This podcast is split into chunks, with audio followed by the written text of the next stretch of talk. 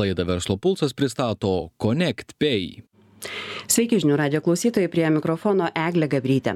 Nepaisant įvairių krizių, Lietuvoje turime ir kuo didžiuotis. Štai fintech sektorius pernai stipriai didino apsukas, augino ir pajamas, ir darbuotojų skaičių. Nemaža to, praėjusiais metais fintech bendrovės pritraukė rekordinį finansavimą - beveik 68 milijonus eurų arba 28 procentais daugiau e, negu visoje šalyje pritrauktų investicijų ekspertai sako kad šis sektorius turi didelį potencialą tačiau būtina išnaudoti kiekvieną galimybę. Šiandien laidoje verslo pulsas kalbėsim apie naują skaitmeninės bankininkystės sprendimą kuris kaip teigiama leis jau veikiančioms fintech įmonėms nuo kelerių metų iki keletos dienų sutrumpinti naujų finansinių paslaugų paleidimo laiką. Sveikinuosi su savo pašnekovu finansinių sprendimų platformos connect pay generaliniu direktoriumi mariumi galdiku. Sveiki. Sveiki laba diena. Pažiūrėkim iš paukščio paukščio skrydžio ar ne? Kaip atrodo tas mūsų fintech sektorius lietuvoje? Na akivaizdu kad e, fintech sektorius lietuvoje yra vienas didžiausių europoje absoliučiu skaičiumi e, turbūt ir pasaulyje. Ir e, tai dydžiu tikrai išsiskiriame skaičiumi finansinių rinkų dalyvių taip pat išsiskiriame tikrai turime daug žaidėjų. Ir manau pastarieji metai pastarieji turbūt du trys metai yra tas brandos laikas kada sektorius ne tik stipriai auga skaičiumi bet dabar ir pradeda labai stipriai bręsti. E, bręsti reiškia pajamos auga apimtys didėja Tai yra tas arkliukas, kuriuo tikiuosi mes išvešim, ar ne, visą ekonomiką. E, silpnosios ir stipriosios vietos išskirtumėt fintech sektoriaus? Tai aš e, tur, turbūt tas pats e, faktas, kad mes turim didelį skaičių dalyvių ir dalis tų dalyvių daliai jų turbūt ne, ne visiškai pasisekė taip greitai aukti, arba gal dar nerado savo augimo potencialo, neišnaudoja savo augimo potencialo. Tai turbūt būtų ta silpnoji dalis, ne, tas didelis kiekis ir, ir, ir, ir didelė konkurencija.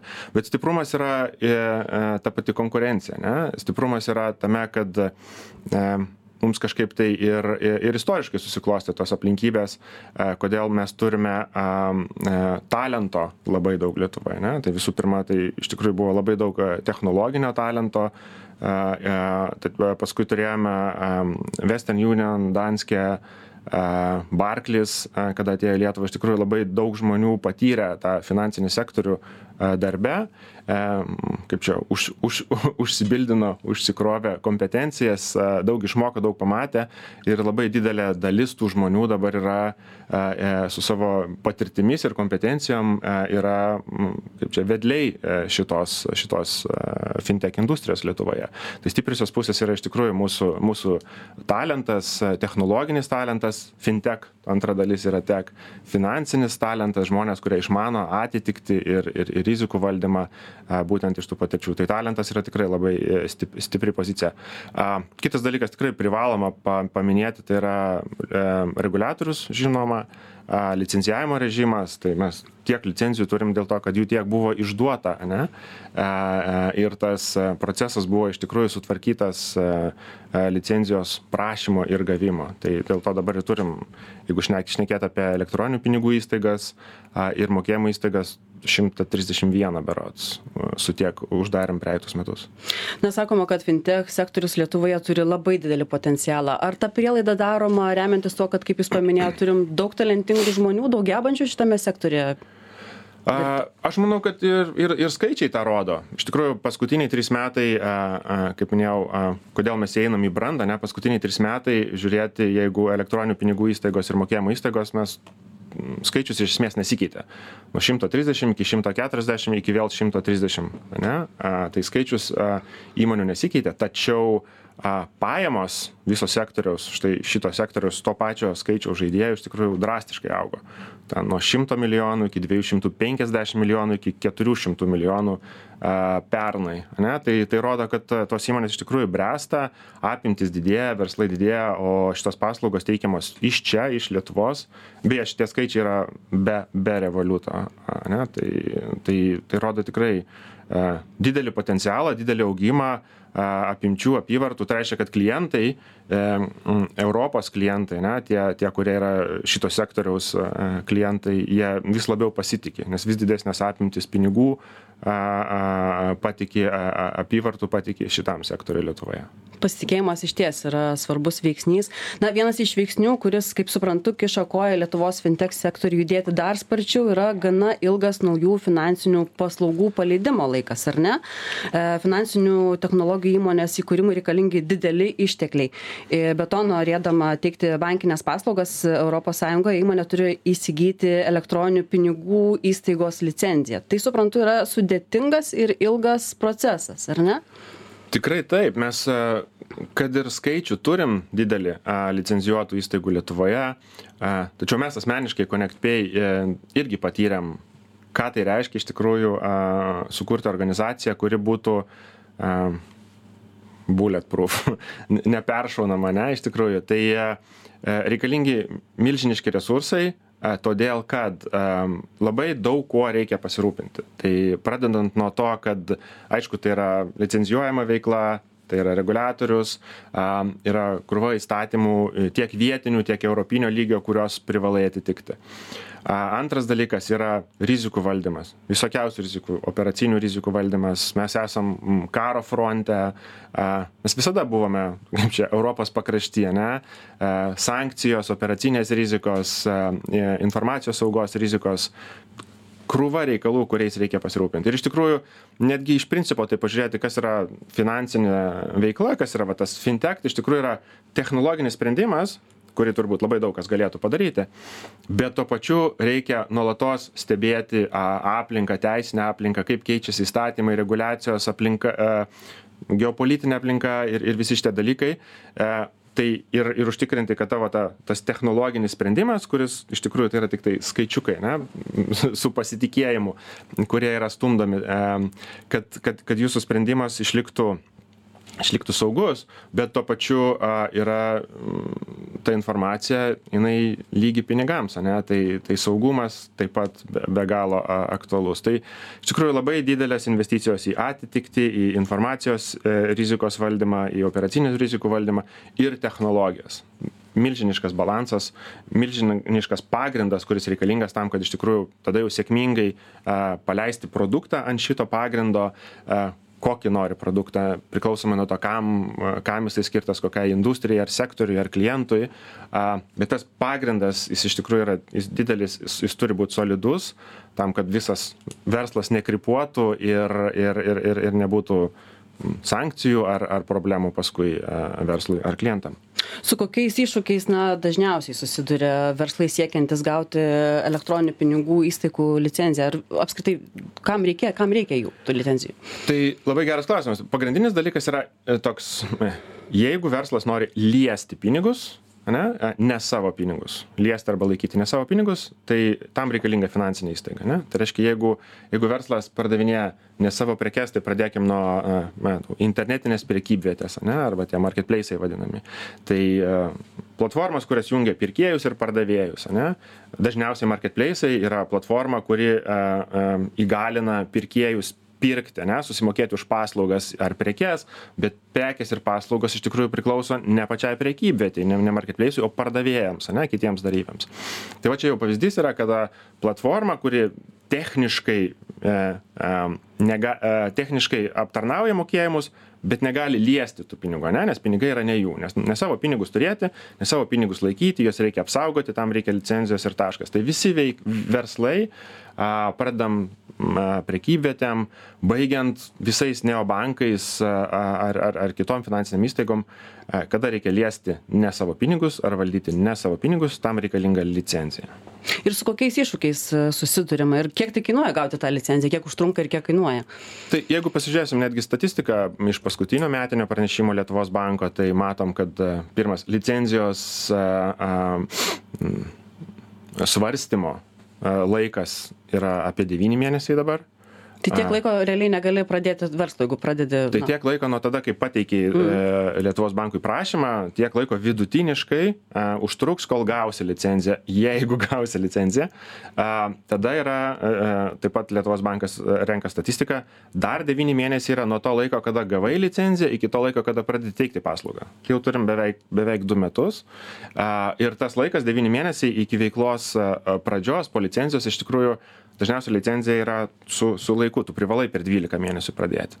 Tai jau atsiranda rizikos, ar tikrai sugebėsi viską pasileisti, sistemas, technologijas, procesus, kad, e, kad, kad galėtum e, vykdyti paslaugą. Tai jau vienas dalykas vien tik tai laikas yra tas, antras dalykas, kaip minėjau, e, resursai, ne, atitiktis, rizikos valdymai. Jeigu taip pažiūrėti, kokia apimtis yra reikalavimų, kurie yra, ateina iš įstatymų e, finansiniam įstaigom, tai neįma, aš nematau, tiesą sakant, kaip įmanoma startuoti su mažiau negu 10 žmonių vien tik tai uh, užtikrinančių atitikti, ne?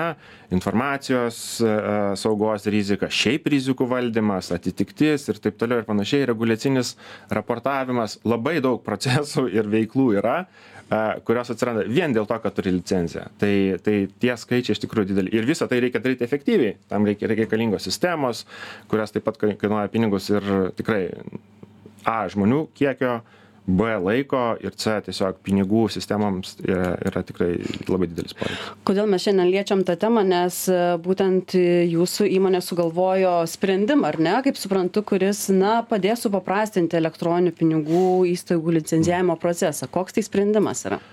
Tai į, įterptoji bankininkystė, labai keistai lietuviškai skamba, uh, embedded finance uh, terminas arba banking as a service uh, naudojamas uh, uh, angliškai.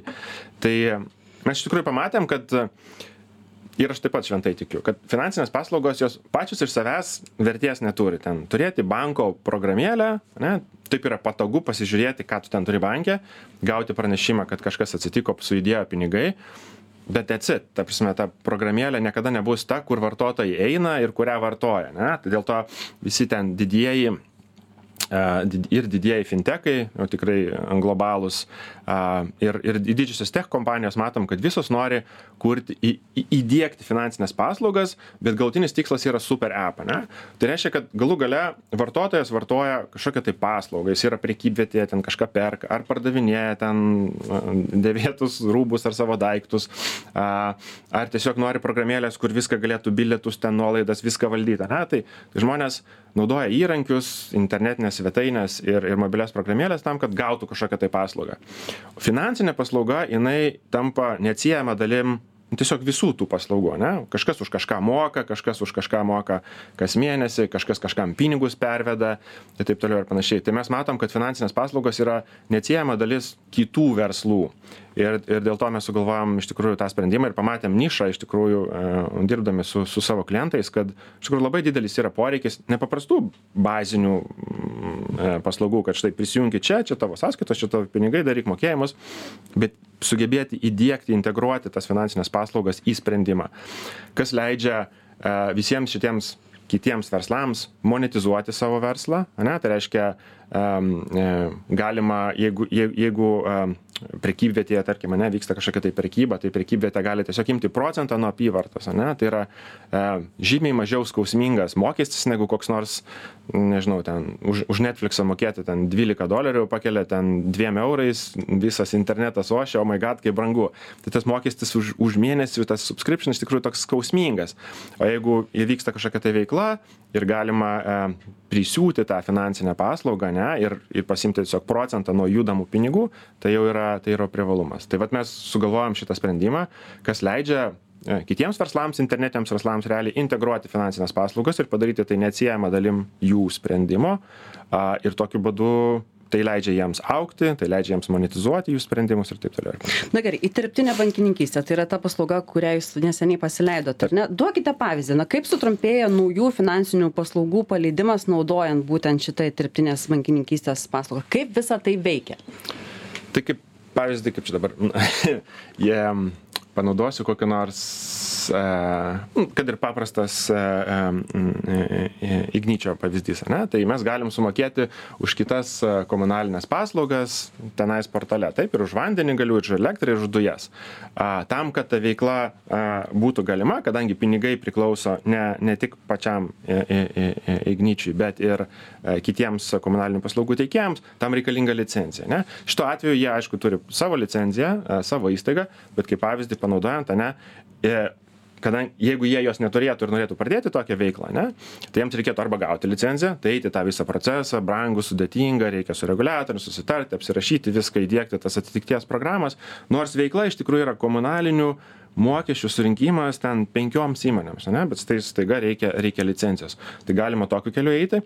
Arba tai, ką mes siūlom dabar, ne, iš tikrųjų tiesiog ateiti pas mus ir nesirūpinti visų tuo bagažu, licencija, ten atitiktim ir taip toliau ir panašiai, o tiesiog integruoti mūsų finansinės paslaugas ir tai įgalina tą veiklą. Ne. Tai taip, jeigu paprastai pasakius, ta, ta veikla, ten komunalinių mokesčių surinkimas už kitus, a, nebūtų įmanoma, jeigu a, be finansinės įstaigos, nes pinigai priklauso ne, ne pačiai platformai. Ne? Tai mes va, tą ir įgalinam. Tai vietoj viso to triukšmo licencijos gavimo ir visą kitą galima imti mūsų paslaugą, integruoti mokėjimus ir pasileisti. Realiai per kelias dienas, ar ne? Realiai per kelias dienas mes rūpinamės viskuo. Jūs minėjot žodį atitiktis ir, mm. ir atitiktis kaip paslauga. Kas tai yra? Nes suprantu, kad jūs siūlydami šitą naują paslaugą, jūs prisimate visą atsakomybę už atitikti. Tai paaiškinkit plačiau. Taip, tai, tai mūsų sprendimas ir yra vienareikšmiškai, tai yra mūsų licenzija, tai yra mūsų finansinės paslaugos ir, ir mūsų technologinis sprendimas. Ne? Tai, tai e, atitiktis kaip paslauga ir yra e, esmė mūsų produkto. Ta, kad e, mes realiai duodam techninį sprendimą, tai tos e, API vadinamus, ne, e, kur platforma e, gali integruoti ir naudoti mūsų finansinės, paslau, e, naudoti mūsų finansinės paslaugas, integruoti, o mes po kapotu pasirūpinam viskuo. At, sankcijos, rizikos valdymai, ten, um, sukčiavimo prevencija, raportavimas, paskui reguliatoriai ir taip toliau ir panašiai. Tai, tai ta paslauga to viso, kaip minėjau, pagrindo, ne, finansinės įstaigos, mes realiai tą pagrindą finansinės įstaigos mes jį skaliuojam, lietuviškai auginam, ne, ir, ir, ir, ir pardavinėjam kaip dalį, neatsiejama dalį mūsų finansinės pačios paslaugos, ne, kas yra sąskaita ar mokėjimas. Ir tai iš tikrųjų ženkliai, ženkliai sumažina poreikį mūsų klientui išvis apie ką nors galvoti ar investuoti ir taip toliau. Ir leidžia mūsų klientams susifokusuoti į, į, į, į tai, ką jie daro geriausiai, kas yra jų klientas, kas yra jų, jų produktas, vietoj to, kad galvoti apie kažkokias operacijas ir rizikas. Paslauga dar pakankamai nauja, kaip Jūs manot, daugiau naudosis jau veikiančios įmonės šitą įtirptinę bankininkystę ar naujai besikūrenčios, nes naujam besikūrenčiam, kaip minėjot pradžioje, kad porą metų užtruktų tą licenciją gauti, ar ne? Tai iš tikrųjų, kol, kol kas, kol kas didžioji, didžioji dalis a, matom, kad yra naujai besikūrenčios besikuriančios praktiškai, todėl kad šita paslauga yra tokia e, lipni. jeigu, jeigu jau verslas pradėjo santykius su, su, su, su, su tokiu paslaugų teikėju, iš tikrųjų yra pakankamai e, sudėtinga pakeisti paslaugų teikėją. Tai didžioji dalis matom, kad yra, yra, yra naujos įmonės, o, o senosios yra tos, kurios, tos veikiančios, kurio, su kuriam mes šnekam, tai dažniausiai būna arba nukentėjusios nuo, nuo dabartinių paslaugų teikėjų dėl blogo serviso ir jau tas, ta, ta riba, um, kada atsiranda uh, make sense, jau yra, yra priežastis, yra finansinis uh, E, kaip čia, paskatinimas, finansinė priežastis iš tikrųjų pakeisti ir apsimoka jau pakeisti vietoj to, kad, kad kesti su, su dabartiniu tiekėju. Buvo bandymas rinkoje jau kažką panašaus įdėkti, kalbu apie dirbtinę bankininkystę, kai na, ne, nereikia pačiam rūpintis licenciją. Manot, bus paklausu šį kartą šita paslauga, turės potencialo ir padės mūsų fintech įmonėm dar sparčiau aukti? Taip, aš tikrai įsitikinęs, kad tai yra teisingas būdas. Mes šnekam ir, ir su reguliatorium, ir, ir mes matom iš kitų rinkos dalyvių, iš tikrųjų Europoje e, ir Amerikoje, tiesą sakant, dabar tikrai pakankamai daug tų šitos paslaugos tiekėjų turėjo problemų turėjo problemų su reguliatoriais dėl to, kad neteisingai tai darė, dėl to, kad atidavė atitikties rizikos funkcijas savo klientams. Tai kadangi mes tai darom, tai yra mūsų licencija, mes užtikrinam klientų apsaugą, klientų lėšų apsaugą, tai aš susitikinęs, kad tai yra teisingas, teisingas požiūris.